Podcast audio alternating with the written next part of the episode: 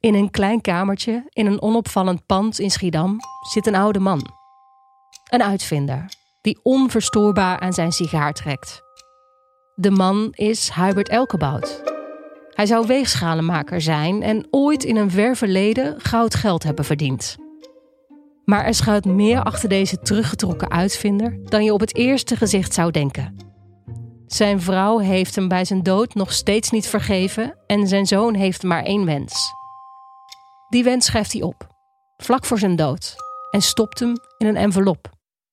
Die envelop belandt bij mij, Marieke de Veer. En ik ga op zoek naar het antwoord.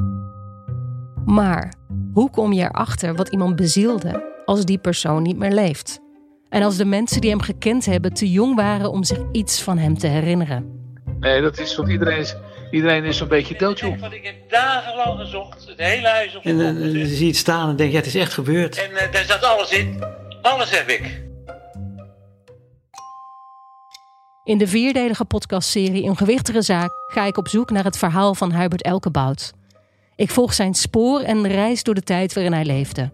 Een tijd vol vergeten pioniers, illustere figuren, dappere avonturiers en hardwerkende huisvaders.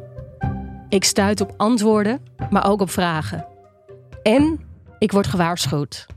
Als je hieraan begint, stop je er ofwel direct mee, of je gaat door en dan pak je één steen beet en weet je niet wat je lostrekt. Een gewichtige zaak van Marieke de Veer won de pitchwedstrijd tijdens het podcastfestival in 2020.